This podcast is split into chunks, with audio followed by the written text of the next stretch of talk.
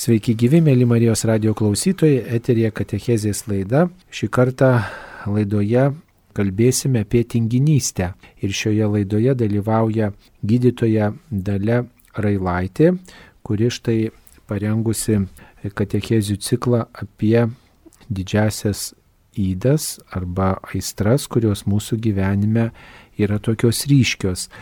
Ir labai įdomu klausytis ne tik tai kunigų, bet ir štai pasauliečių įžvalgų apie tai, kas yra mums bendra krikščioniškam tikėjime, mūsų kelionė į Dievą mums visiems. Prie mikrofono esu ir aš, kunigas Saulis Bužauskas. Sveiki gyvi. Sveiki.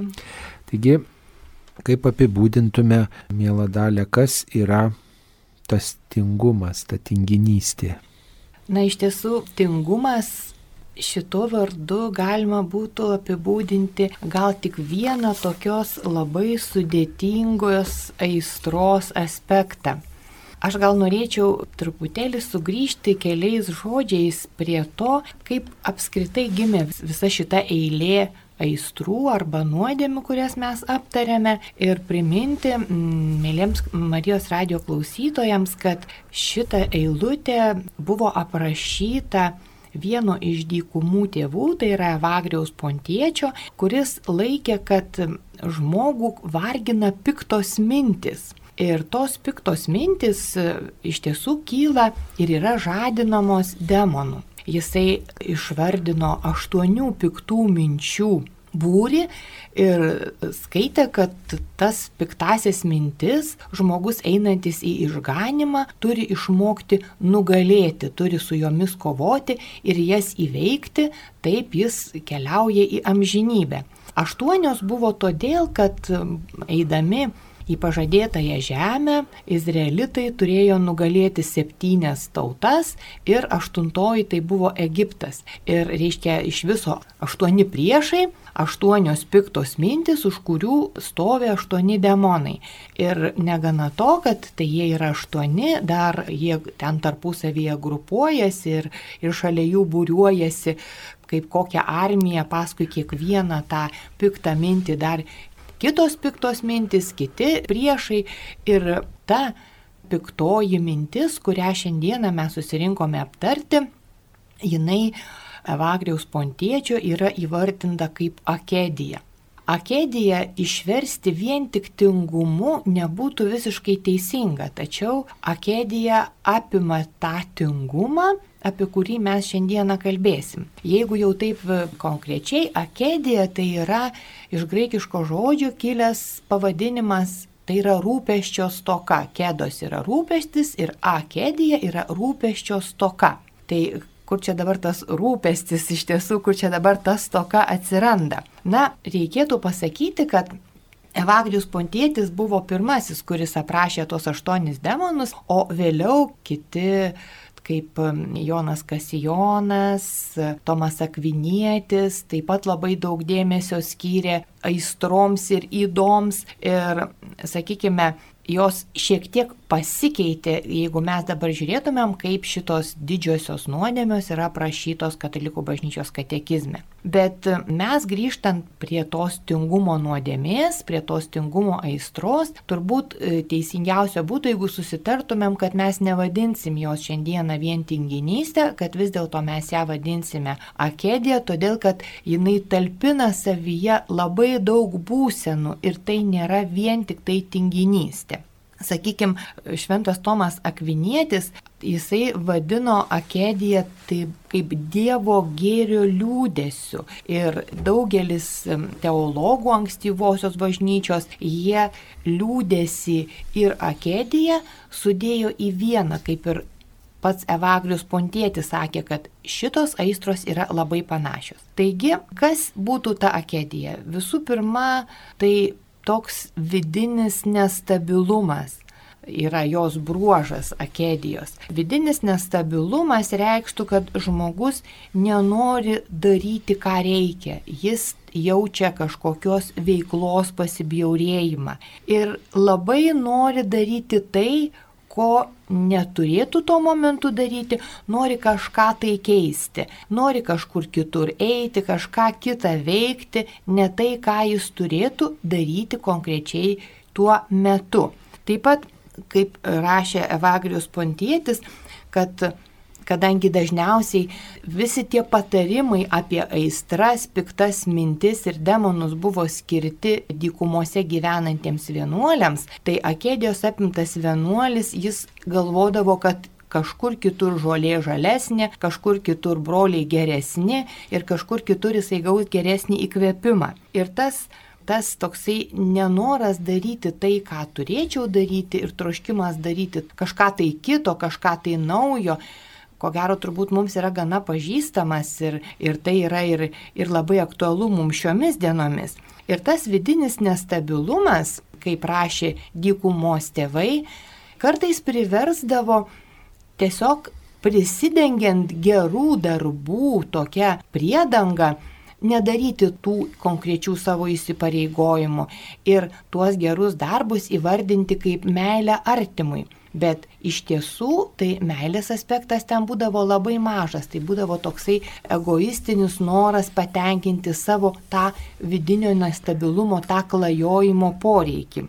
Kitas momentas, kurį pažymėjo dykumų tėvai, kas yra būdinga akedijai, tai perdėtas rūpinimasis savo sveikata ir savo gerbuviu.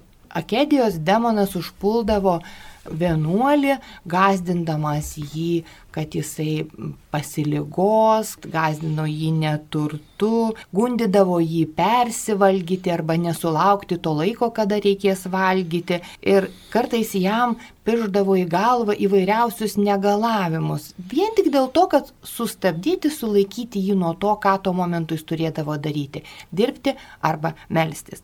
Kitas dalykas, kas buvo, tai bjaurėjimasis darbu, taip pat vat, kaip viena iš akedijos tokių požymių, tai yra bjaurėjimasis darbu. Bet koks rankų darbas, tas darbas, kurį žmogus turi atlikti, ką jis turi daryti, sukelia jam tokį nenorą, tiesiog pasibjaurėjimą.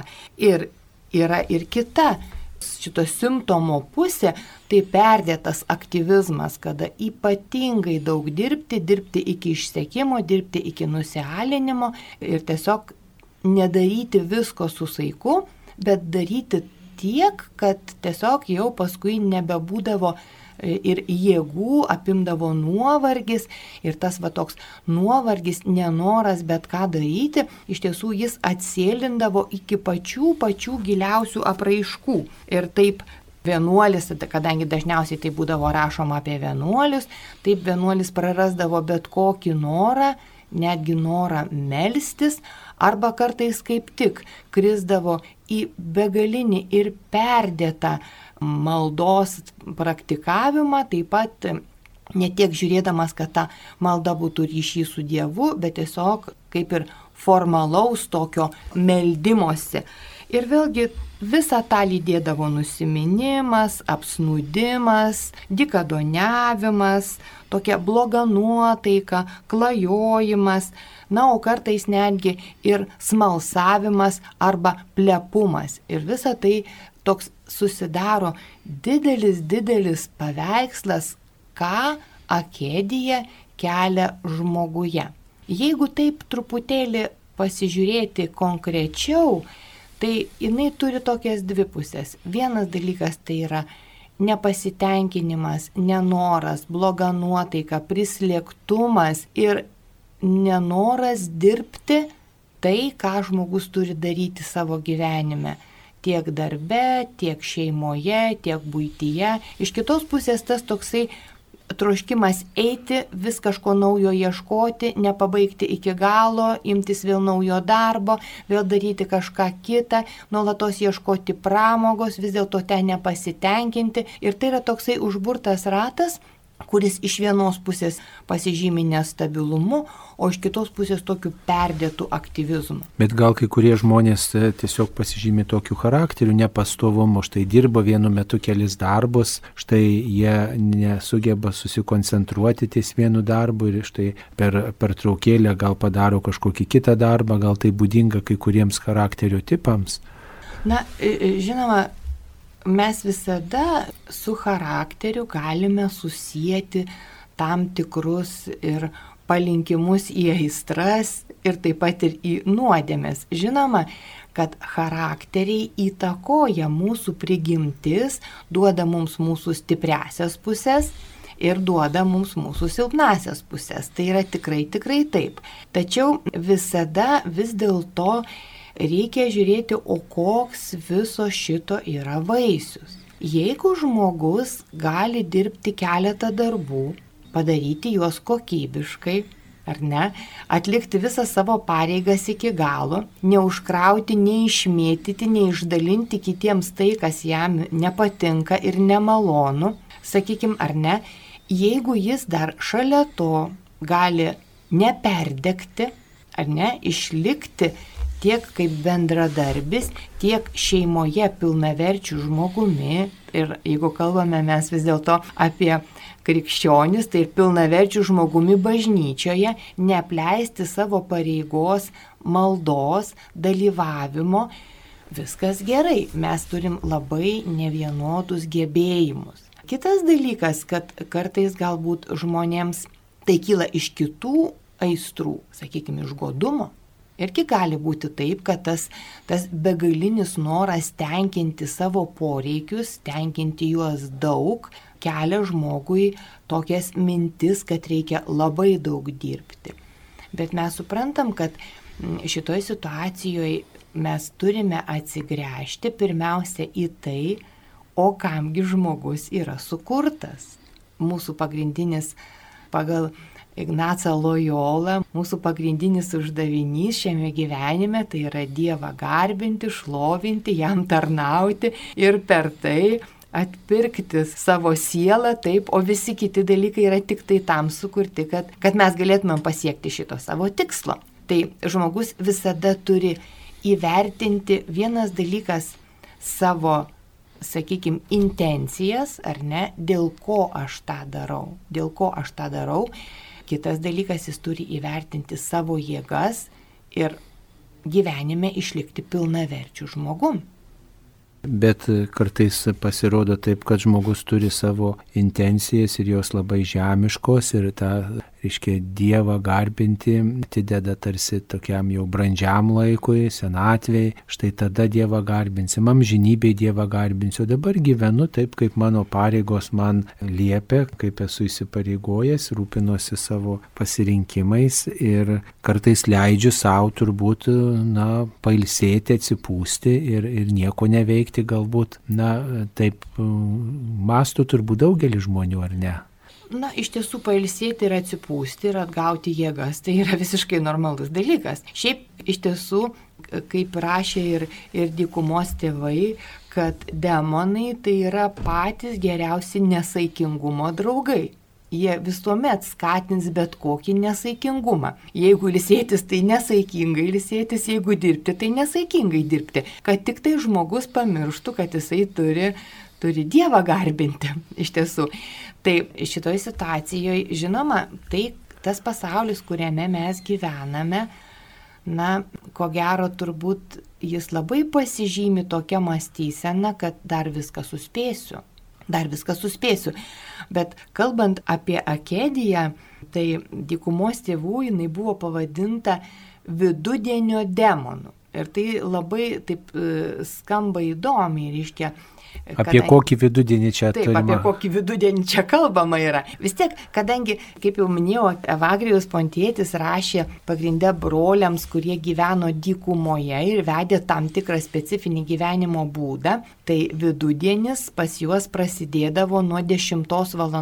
ryto kada saulė Egipto dykumose jau pradeda aukštai kilti ir pakyla į, į zenitą ir baigdavosi maždaug trečią valandą, kada jie galėdavo pavalgyti. Tai tas demonas būtent va šitą visą laiką juos be galo ir kankindavo. Ir kodėl tas vidudienio demonas, kodėl jisai taip, tai buvo pavadintas, todėl kad iš tiesų tuo metu laikas lenka be galo, be galo lietai. Yra tas laiko matmuo, saulė vos, vos juda. Ir tiesiog tai yra tas kankinantis laukimas išbūti, išlaukti toje savo celėje, darant tai, ką privalo daryti. O laikas lenka labai labai lietai. Ir kaip ir rašė, kad šiaip mes esame linkę galvoti apie tai, kad demonai tai daugiau yra tamsos šešėlių gyventojai, o šitas yra agresyvus ir veikia pačiame dienos viduryje. Ir todėl, kas yra mums iš tiesų ganėtinai aktualu, tai kad kalbama ir apie tą laiką, kada ateina viduramžius, ar ne žmogaus gyvenime. Nu, čia labai visiems yra girdėta viduramžio krizė. Taip, kada žmogus sulaukia 40-50 metų.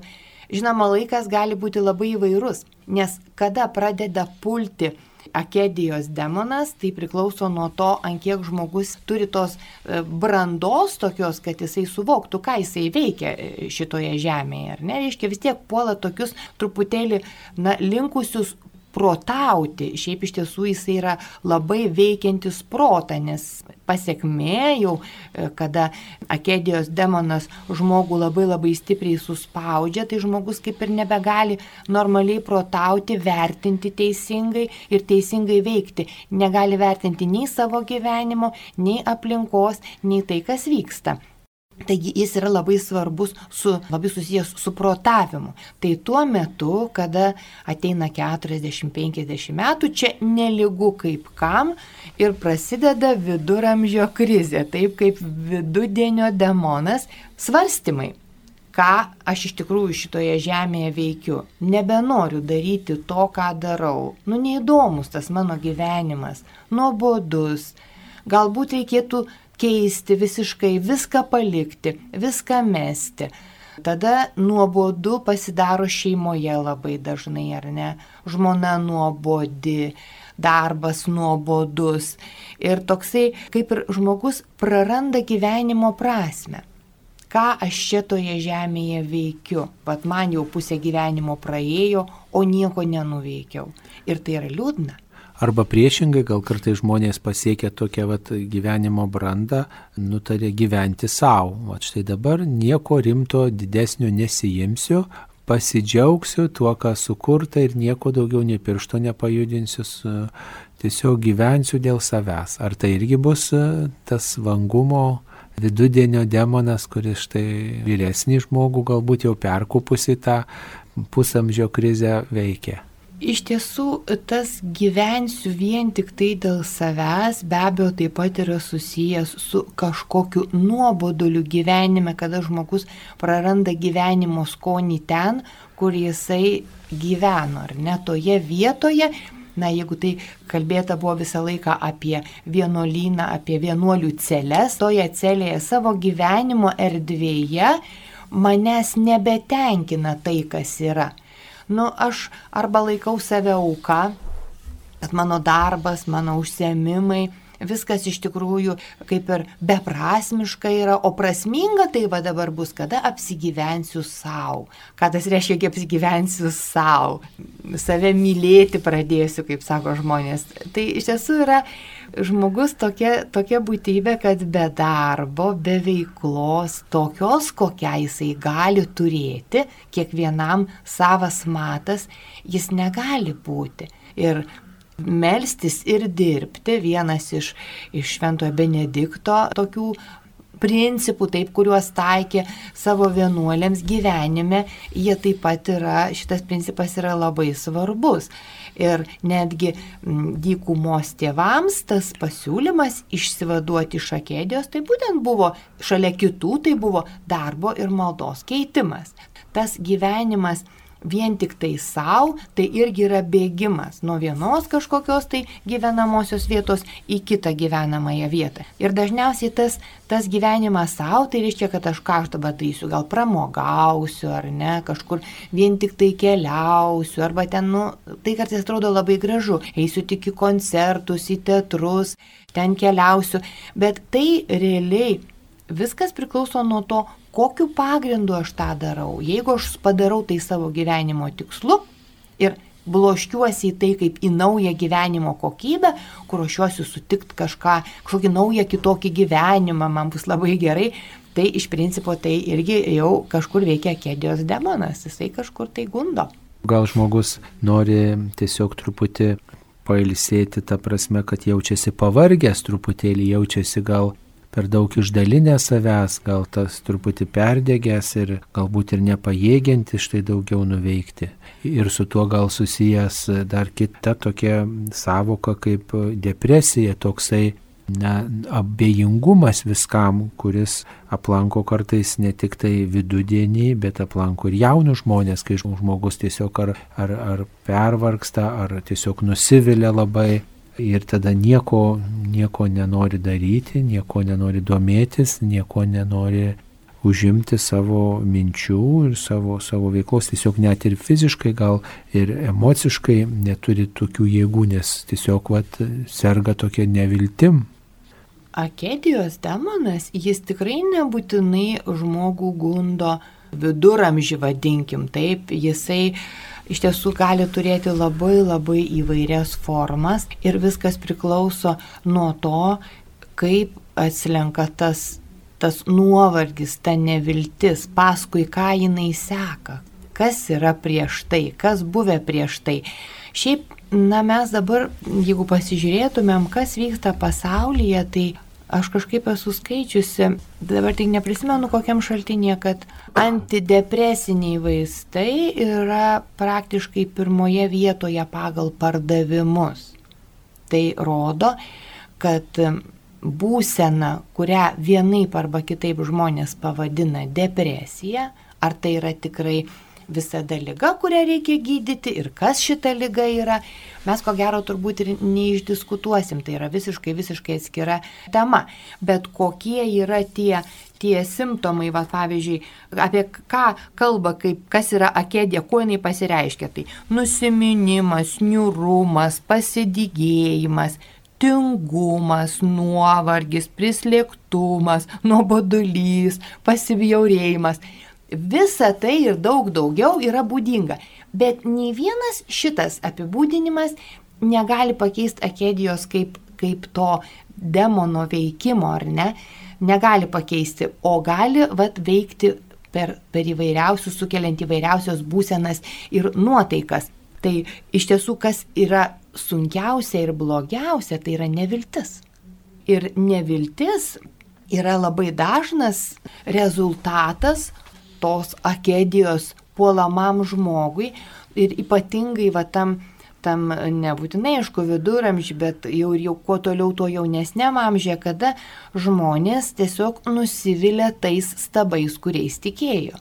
Pažanga ar ne, arba ten medicina, mokslu, nu tiesiog viską sudėjo į tai ir į tą stabą, kad tai jau išvaduos ir visas problemas išspręs ir staiga pasirodo, kad taip toli gražu nėra, nes atsiranda naujų kažkokių tai poveikių, atsiranda naujų problemų ir ta neviltis tai yra viena iš tokių pačių sunkiausių finalinių akedijos būsenų ir jinai yra netgi mums kaip krikščionims tai jinai yra labai labai giliai nuodėminga, nes tai yra nuodėmė prieš šventąją dvasę iš tiesų. Kai jau žmogus nebetenka vilties kartais tas toksai, tas, ta neviltis, jinai daina iki to, kad žmogus visai praranda gyvenimo prasme, nemato jokios prasmės gyventi ir ne, nebenori gyventi. Tai iš tikrųjų yra tikrai labai sudėtinga. Bet turbūt tikriausiai vienas iš tų dalykų, kurie mūsų gyvenime yra labai aktualu ir, ir, ir kas nebūtinai susiję yra su, su tuo vidudienio, viduramžio demono veikimu. Tai yra nuobodulys, kuris taip pat yra, nuobodulys taip pat yra viena iš išraiškų. Žmogui niekas nebeįdomu. Jam nuobodu. Tas nuobodulys skatina jį tokiam perdėtam aktyvizmui, domėjimuisi absoliučiai viskuo, bet viskuo paviršutiniškai.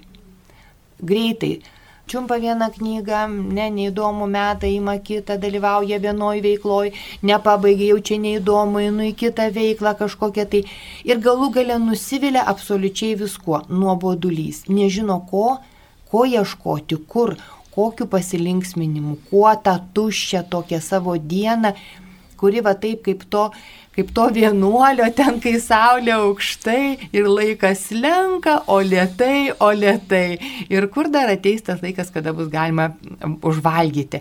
Tai taip ir žmonės sako, užmušinėja laiką. Užmušinėja laiką kažkokia tai veikla, kažkokiom tai pramogom ir visai stengiasi, kaip tai tą nuobodulį nustumti. Ir nuobodulys, ko gero, turbūt yra viena iš, iš tokių pačių stipriausių apraiškų. Vėlgi kitas dalykas yra tokie visokie apsimetinėjimai, savigailos, nu tai yra, tai yra daug apraiškų ir, ir ko gero turbūt būtų mums tai be galo svarbu, kad mes na, išmoktumėm atpažinti savyje ir savo gyvenime, kad ir labai nedidelės šito pikto priešo tokias atakas. Kaip rašė dikumų tėvai, kad vien įvardinimas, pasakymas, kad tai mane jau puola tas akedijos demonas, kartais privertavo jį atsitraukti. O šiaip iš tiesų tai man tai labai padarė didelį įspūdį. Tai Tomo Kviniečio tas apibūdinimas akedijos, visa ta analizė, iš tiesų tai yra, tai yra nuodėmė džiaugsmui. Tai yra nuodėmė džiaugsmui. Nes jeigu mes, vat ir ar mes remsimės Ignacų Lojolą, ar mes remsimės šventuoju raštu, kur, kur Jėzus sakė, aš atėjau duoti jums džiaugsmo, kad jūsų džiaugsmui nieko netrūktų. Tai šitoje situacijoje mes suprantam, kad Dievas trokšta mūsų džiaugsmo. Kaip mes tą džiaugsmą sugebame rasti savo gyvenime? Tai čia jau yra kitas klausimas. Bet Dievas trokšta mūsų džiaugsmo. Ir toj situacijoje, kada mes atpažįstame, kad galbūt jau kažkas tinka, kas yra kalbama apie kėdėje, tai pirmas dalykas reikia pripažinti, kad tai mums aktualu. Tai čia turbūt kaip ir su kiekviena nuodėme, kai ją atpažįstam, jau šiek tiek ją bandom ir įveikti. Tačiau štai tinginystės atveju, kedijos atveju, vangumo atveju, kaip e, tą turbūt motivaciją atrasti, nes kai žmogus štai mato tikslą, dėl kurio turi veikti, tada atsiranda ir jėgų, ir, ir nereikia užmušinėti laiko, bet tiesiog kiekviena akimirka tampa prasminga, kiekvienas tas darbas užmojais teikia džiaugsmą, nes dėl to galutinio tikslo tai daroma. Kaip žmogui atrasti tą tikslą arba motivaciją veikti, imtis vieno ar kito dalyko?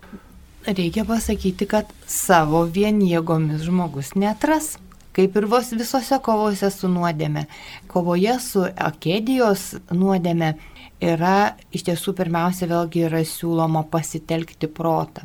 Žmogus turi analizuoti tai, kas su juo vyksta. Tai yra labai mhm. svarbu. Pasitelkti protą ir suprasti, kad turi problemą. Ar nesuprasti, kad turi problemą. Tai yra labai svarbu, kad žmogus turėtų pažinti, pasistengti pažinti tą savo problemą, kurioje vietoje jinai labiausiai jį spaudžia. Nes vienas dalykas, jeigu mes kalbėtumėm apie tai, ką siūlė dykumos tėvai, kaip reikia kovoti su ta, ta motivacija neatsiras va taip, va tiesiog kažkaip pati iš savęs, jinai tikrai neatsiras. Ir netgi galima būtų pasakyti turbūt, kad motivacija niekada neatsiras, bet tas, kuris nugali akėdėje, kaip rašoma yra dikumos tėvų ir kitų žmonių šventų, kurie analizavo būtent šią, šią būseną ir šią nuodėmę.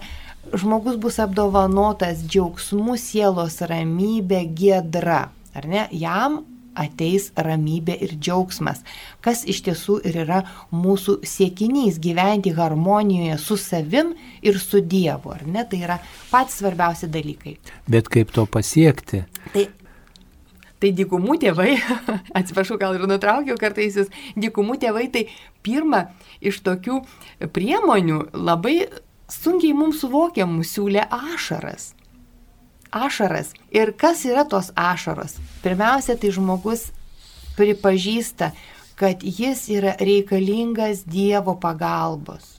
Ir iš to, kaip jisai jaučiasi reikalingas Dievo pagalbos, to Dievo rūpešio, jam kyla graudulys, kyla ašaros ir šitos ašaros, kaip rašo, nuplauna žmogaus širdį. Tas graudulys ir, ir tos ašaros kyla maldoje, kada žmogus supranta savo padėtį prašo Dievo pagalbos. Tai yra tas maldos, maldos laikas, kuris suprantant savo padėtį, savo bejėgiškumą ir tuo pačiu begalinę Dievo meilę, sukelia jam ašarų lietų. Ar tai susijęs su atgailos tokiu išgyvenimu, apmaudu dėl savo padėties, dėl savo klaidos, dėl savo bejingumo? Manau, kad tai neturėtų būti susijęs su apmaudu, bet su atgaila taip, nes su atgaila susiję visos mūsų, visos mūsų pastangos kovoti su bet kuria nuodėme iš tiesų yra susiję su atgaila. Tai nėra tokia savęs nuvertinimo, dar didesnio nužeminimo. Mes visi suprantam, kaip sakoma, kas mes esame iš dulkių. Mes esame iš dulkių, bet Dievo meilė, jinai mus pakelia iš tų dulkių puošia ir, ir sodina šalia savęs, tai šitoje situacijoje mes turim pripažinti, kad mums yra reikalinga Dievo pagalba. Dievo pagalba tas pripažinimas, kaip dykumų tėvai teigia, turi būti palydėtas ašarų, kurios nuplauna. Nu, tas ašarų lietus, tas ašarų plovimas, sako, nuplauna tą sugrūdusią sielą. Manau, kad ir šio laikiniam žmogui, kada jisai nuoširdžiai apgalvoja maldoje, tiek save, tiek Dievo meilę, tikrai ašaros gali prasiveršti ir manau, kad prasiveržė ne vieną kartą. Ar tos ašaros prasiveržė tada, kai žmogus suvokia savo situacijos tokį beviltiškumą, gal savo to kelio tokį aklygatvį, kad štai jeigu toliau taip eisiu, tai tik tolsiu nuo Dievo, nebūsiu laimingas, na tam tikrą dugną, ar taip? Taip. Manau, kad taip, nes vis tiek tai yra tiesa. Kad man reikia Dievo, kad jis manim pasirūpintų šitoj sunkioj situacijoje. Tai, tai vienas kas tas būtų. Kitas dalykas, tai vad būtent tai kur žmogui sunku, ar ne? Jeigu jam yra problema stabilumo trūkumas, jis nenori dirbti, jis nenori atlikti savo pareigų iki galo, čia jau reikia įjungti valią ir žmogus turi tiesiog valingai su tuo kovoti, su tuo savo noru bėgti, darbus išdalinti, kažkur tai pačiam pramogauti, jis turi stengtis padaryti savo darbą iki galo ir aišku, malda, kuri taip pat yra darbas. Iš tiesų, malda taip pat yra darbas ir kartais labai sunkus darbas, nes kartais žmogui išbūti bandoje nėra taip jau ir lengva. Ar ne? Tai, tai reiškia, malda ir darbas tas yra labai svarbu. Vėlgi, ką ir dykumų tėvai, ir, ir mes manau, kad puikiai tą suprantam, kad Dievo žodį pasitelkti tada, kada tave puola mintis kaip pagal Evagrių pontietį, tai pikta mintis, ar ne, akedijos demonas, pikta mintis. Kada tave puola mintis, tu gali pasitelkti Dievo žodį ir, ir jie siūlydavo netgi psalmų įvairiausias eilutės, ką pasitelkti, kada jaučia, kad yra sunku, arba Jėzaus Kristaus malda, arba galų galę tiesiog viešpatė pasigailėk. Mes taip pat siūlom žmonėm, juk iš tikrųjų bažnyčia siūlo tas trumpasias strėlinės maldas, ar ne. Kaip žmogus turi kreiptis pagalbos esant problemai. Kitas dalykas - tai prisiminti mirtį. Dar vėlgi irgi labai, labai svarbus momentas, būtent kovos su, su akėdijos demonu prisiminti mirtį. Ir tai, tais dviem aspektais. Vienas dalykas, kad mes niekada nežinom, kada jinai mus gali užklupti. O kitas dalykas, kad mes čia esam tik laikini šitoje žemėje. Mūsų namai yra iš tiesų danguje mirties prisiminimas, dykumos tėvų nuomonė yra viena iš tų pačių stipriausių priemonių kovojant apskritai su nuodėme. Nu, mūsų gyvenime yra truputėlį kitaip. Pas mus su, su mirties prisiminimu labai yra labai sudėtinga. Mirtis kažkaip yra paslėpta nuo žmonių akių, mirštanti žmonės kažkaip labai atitolinti, izoliuoti. Bet realiai mirties prisiminimas mūsų gyvenimo laikinumo ir trapumo, ir kad mes nežinom, kada mes galim būti pakviesti, iš tikrųjų tikrai labai padeda vertinti kiekvieną gyvenimo akimirką ir džiaugtis ir dėkoti. Iš tiesų, tai, kad ištvermė yra labai svarbu, ištvermė, kurią žmogus turi ugdyti. Mes labai esam kažkaip na, nutolę nuo tos ištvermės ugdymo. Nu, yra sportininkai, kurie ugdo ištvermę tenai, sakykime, siekia rezultatų, bet kad ištvermę turi ugdyti kiekvienas žmogus per tam tikrą eskezę, per susilaikymą, tai iš tiesų yra tikrai labai svarbu. Jeigu mes neturim tos ištvermės, tai toje kovoje su, su tokiu priešu mes labai labai sunkiai skinsimės kelią.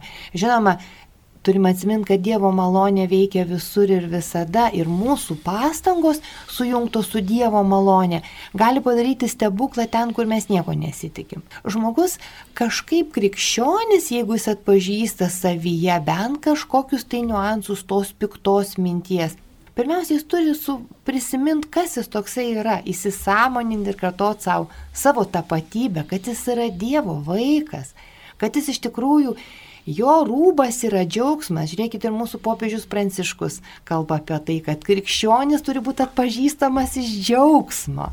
Ir kiti popiežiai, ir, ir popiežius Benediktas, ir, ir Jonas Paulius taip pat rašė apie tą krikščionio džiaugsmą.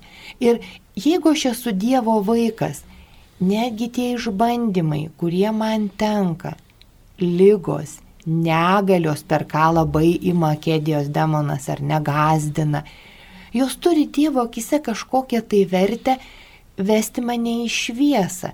Ir netgi įdomiai labai, žodžiu, Evagrius Pontėtis rašo, kad tas, kuris sąmoningai vengia gundimų, kurie reikalingi jo išganimui, iš tiesų jisai vengia amžinojo gyvenimo. Mums tie gundimai būtini. Bet žmogus tiesiog bijo, kad galbūt neištvers tose gundimuose ir dėl to pasirenka vengti bet kokios bet kokios pagundos. Su pagundom iš tiesų nereikia koketuoti, turbūt reikėtų pasakyti taip, ar ne, kad maždaug, nu, žinome, mes ir kaip, kaip Jėzus atsakė, ar ne šietonui, taip, eik šalin šietonė šitoje situacijoje mes turim suprasti ką, ką ir kalba bažnyčios tradicija, kad demonai mes kovoje su jais vienas prieš vieną nieko nelaimėsime. Jie žymiai už mus gudresni, jie žymiai už mus stipresni. Mes galim apsiginkluoti tik tai Dievo ginklais. Taip, bet Dievas niekada mums neduos išbandymo, kuris viršyje mūsų jėgas. Jeigu Dievas leidžia, kaip ir Joba, leido, ar ne? Jeigu Dievas leidžia, vadinasi, mes sutelkę jėgas maldoje, trokšdami ir siekdami vienybę su juo, mes galime. Bet, bet iš tiesų krikščionis turi apsivilkti džiaugsmu, turi apsivilkti kantrybę ir puoselėti darybės. Mums kelias yra duotas, tik tiek, kad kartais mes turime daug stipriau būdėti savo gyvenime, daug stipriau būdėti ir, ir tas būdėjimas su Dievo pagalba, žinant, kad Dievas mato mūsų silpnumą ir laukia mūsų pastangų, visada duos rezultatą, su kokia mes nuodėme, demonų, mintim piktą, gundimu bekovotumėm turbūt sunkiausiai pradėti tą kovą ir suprasti, kodėl nu, reikia tai nuodėmė atsispirti. Sakykime, tas vangumas, kaip užeina, tai žmogus štai gaili savęs galbūt, ne, gal save įvertina kaip tą, kuris jau atliko užduotį, save nori palepinti, tiesiog savim pasigėrėti, pasidžiaugti ir tikrai va, tas džiaugsmas gal irgi kartais susijęs su tuo vangumu, gana aš jau padariau, dabar kiti tegul daro, pažiūrėsiu, ką kiti padarys arba kaip gerai aš čia padariau. Ir aš noriu gerėti savo pasiekimais ir nieko daugiau nedaryti. Tai jeigu aš noriu gerėtis savo pasiekimais, tai nieko gero iš to tikrai nebus. Nes žmogus turi suprasti, kad jis pats tai jokių pasiekimų ir nepasiekia. Juk realiai žmogus gauna visus talentus, galimybės, geras mintis. Jis taip pat gauna iš Dievo. Mes ką galim padaryti, tai tik neleisti, nekliudyti Dievui veikti per mus ir daryti gėri žemėje. O mūsų čia tas, ta veikla, jos tikrai nereikėtų sureikšminti. Mes tikrai žmonės kartais galvojam, kad čia aš padariau, kur, kur bes puikiai, jeigu pagalvotumėm, tai suprastumėm, kad be Dievo pagalbos mes esame niekas.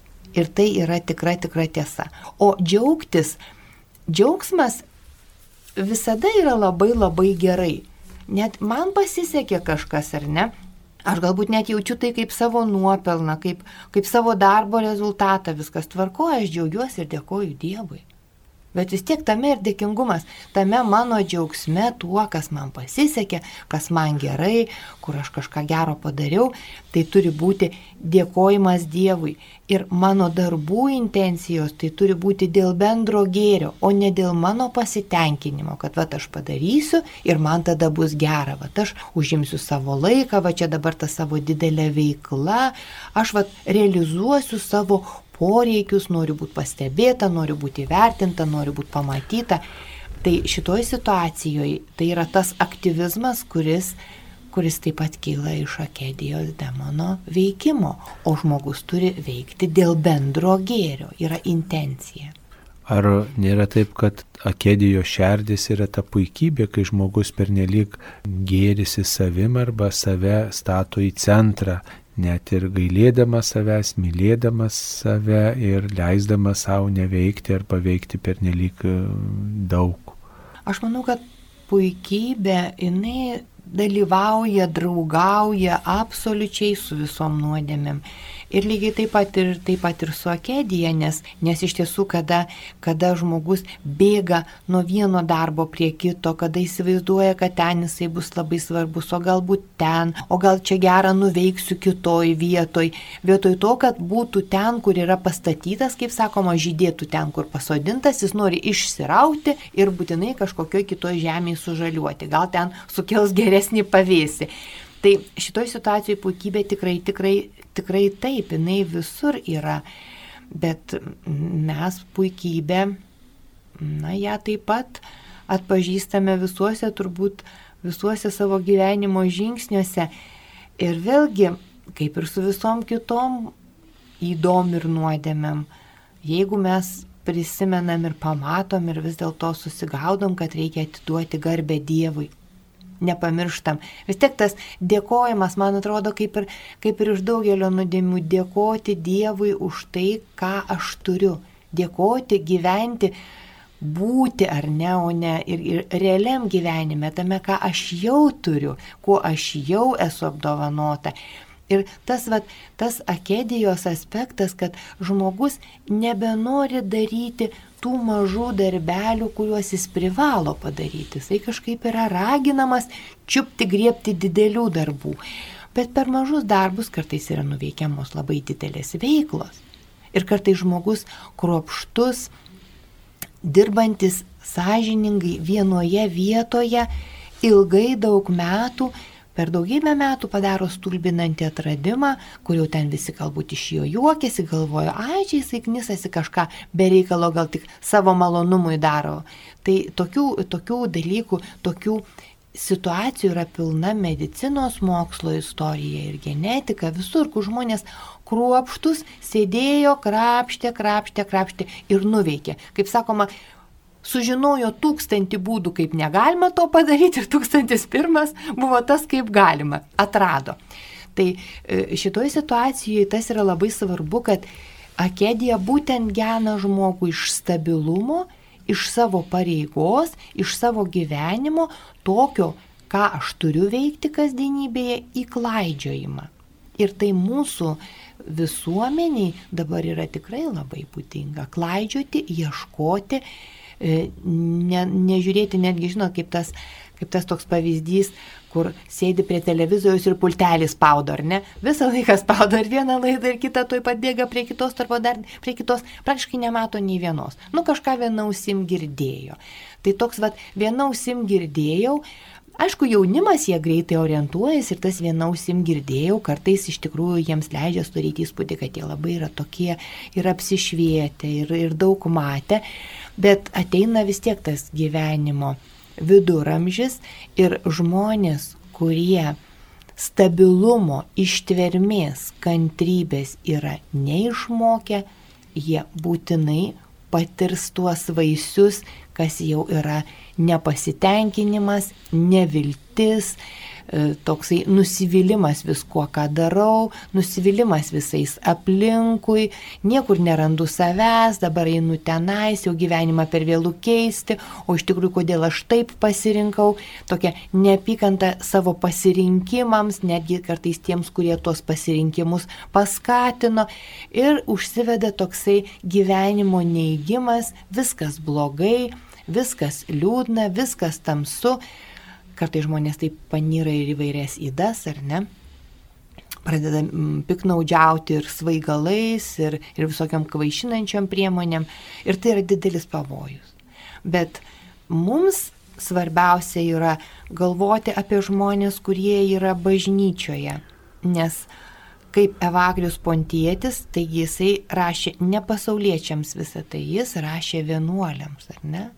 Ir mes kalbamės su žmonėmis, kurie vienaip arba kitaip vis tiek nori eiti į tam žinybę, nori patirti tą Dievo ramybę, šviesą, džiaugsmą. Ir yra labai labai svarbu suprasti, kad be pažinimo savęs, be pamatymo savo nuodėmių, be kovos su nuodėmė, prašant Dievo pagalbos, mes realiai nieko negalime. Ir mūsų gyvenimo grožis ir tas džiaugsmas labai priklauso nuo to, kiek mes tame esame aktyvus. Ir kiek prašom Dievo pagalbos ir aktyvus tame prašyme.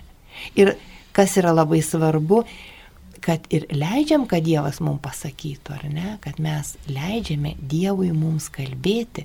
Nes jeigu tik prašyti, prašyti, prašyti, daug litanių, daug rožinių, daug, daug visko, daug intencijų, bet niekada, niekada nesustojam su, su, su tuo, su tuo viešpatėjau, tu dabar pasakyk man. Dabar aš noriu tavęs klausyti, pasakyk man, net jeigu labai ilgai mums reikės laukti, Dievas kada norės, tada pasakys, mes negalim juk jam nurodinėti, ar, ar, ar netiesa. Taip, tai ačiū Jums, mėla dalė, kad štai šitoj laidoj dalinoties apie kėdėje, apie tinginystę, vangumą, kaip ją atpažinti ir kaip ją įveikti mūsų gyvenime. Svarbiausiai turbūt e, trokšti, trokšti įveikti įdas, jas stebėti savo gyvenime ir mažai žingsniais jas įveikti vardan viešpaties, kuris nori mūsų mus matyti savo artumoj. Ačiū Jums, geros kloties, iki pasimatymo kitose laidose. Ačiū. Sudė. Sudė.